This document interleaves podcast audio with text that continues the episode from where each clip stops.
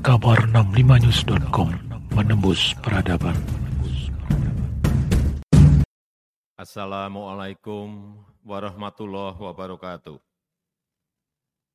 Selamat pagi, salam sejahtera bagi kita semuanya. Shalom, Om Swastiastu, Namo Buddhaya, salam kebajikan. Yang saya hormati Wakil Presiden Republik Indonesia, Bapak Profesor Kiai Haji Ma'ruf Amin, yang saya hormati Wakil Presiden ke-6 Republik Indonesia, Bapak Tri Sutrisno, yang saya hormati Ibu Hajah Sinta Nuriyah Wahid,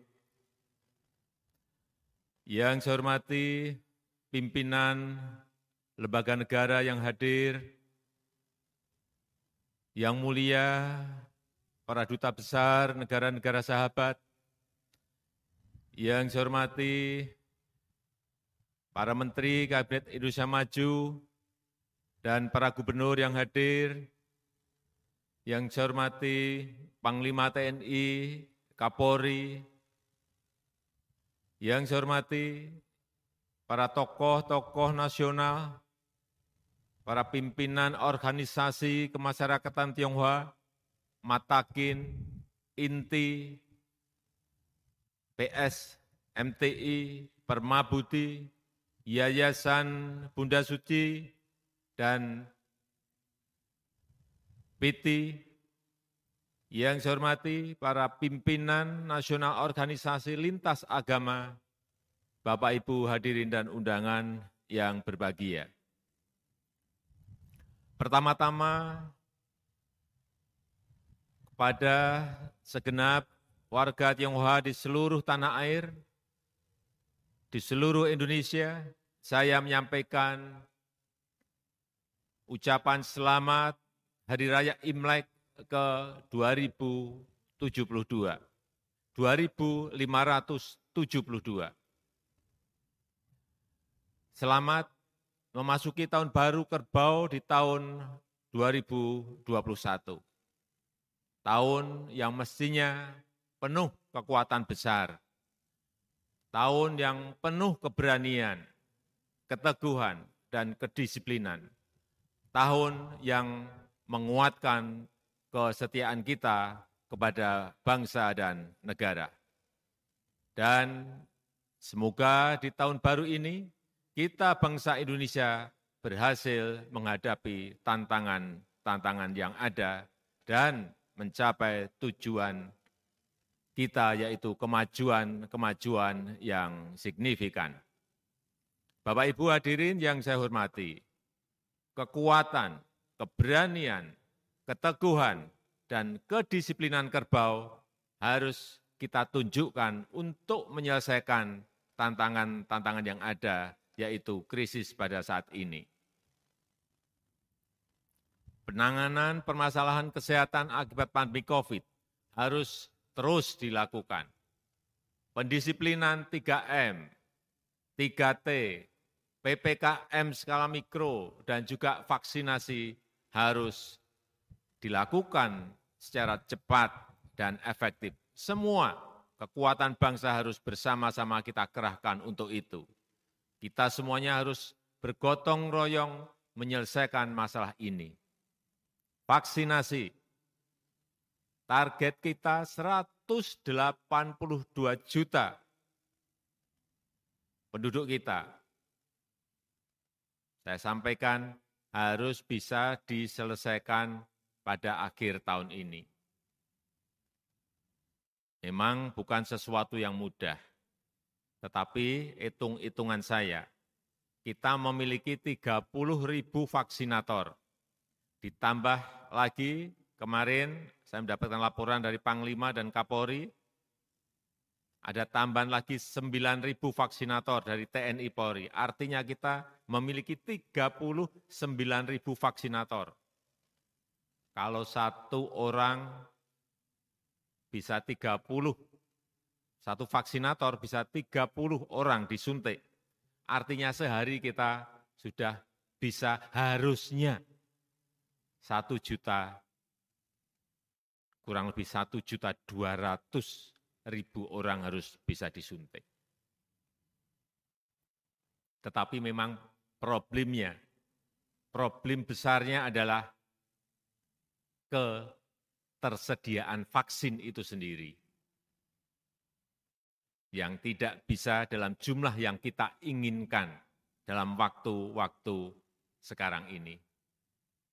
Kita kemarin mendapatkan 3 juta untuk prioritas yang pertama nakes sudah bisa diselesaikan. Ini keluar lagi 7 juta vaksin.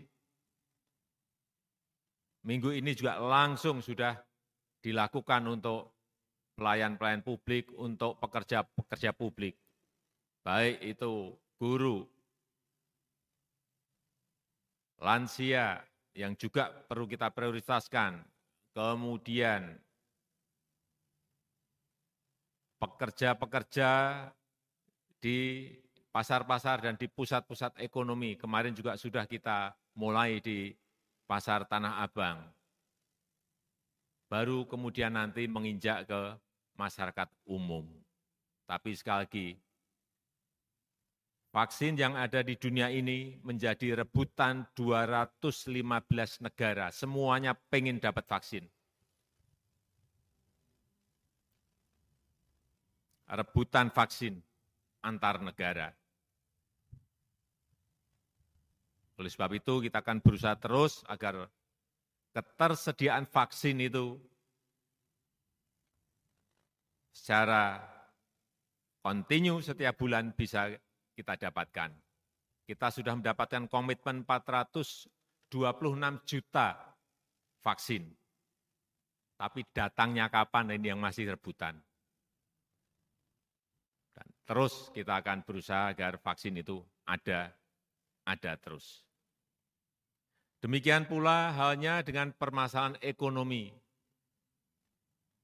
kita semuanya harus bersama-sama, bergotong royong untuk pemulihan ekonomi nasional kita.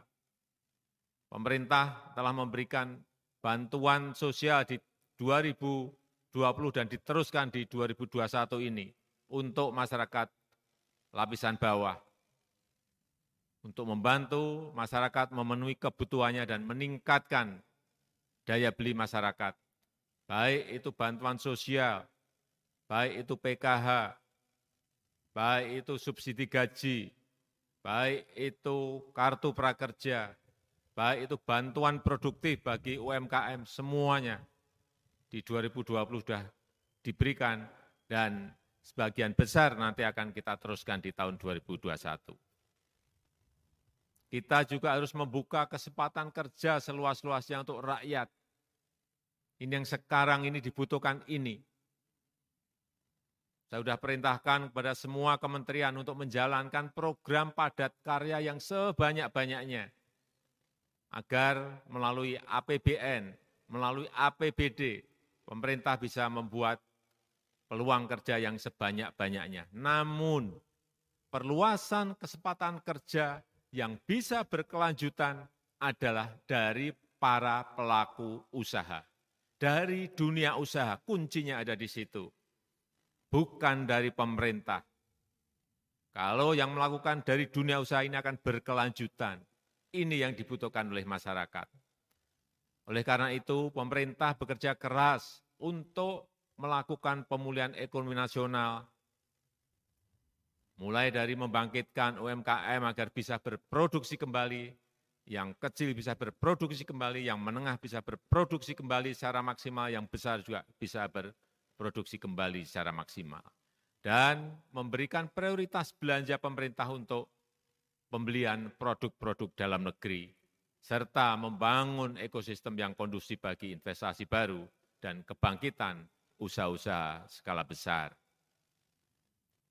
Baru saja untuk membangkitkan sisi manufaktur, PPNBM, selama nanti bulan Maret, April Mei, diberikan tiga bulan PPNBM 0 persen, tiga bulan berikutnya 50 persen, tiga bulan berikutnya 25 persen.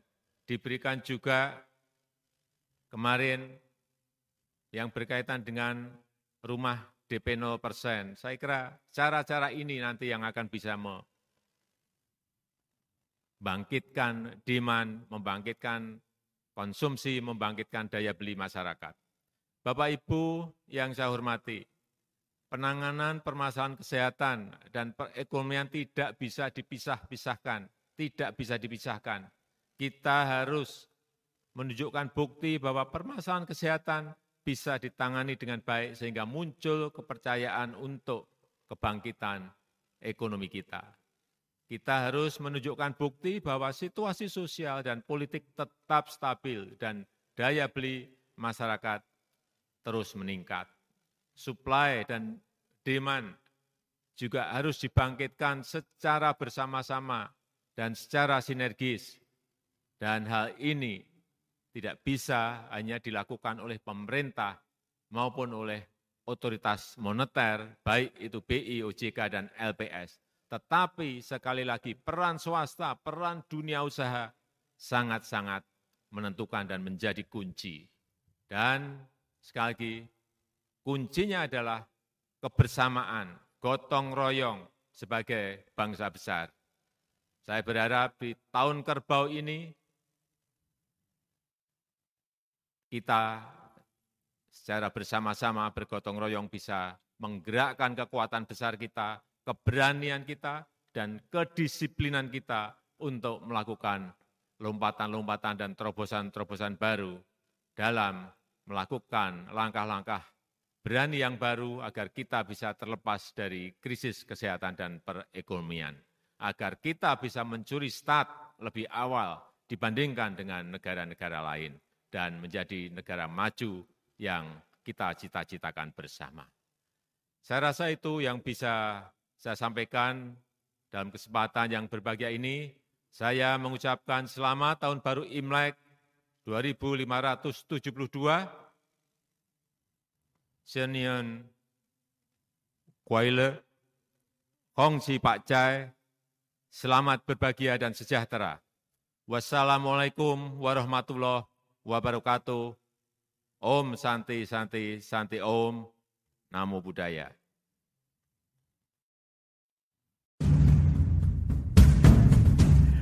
Kabar 65news.com menembus peradaban.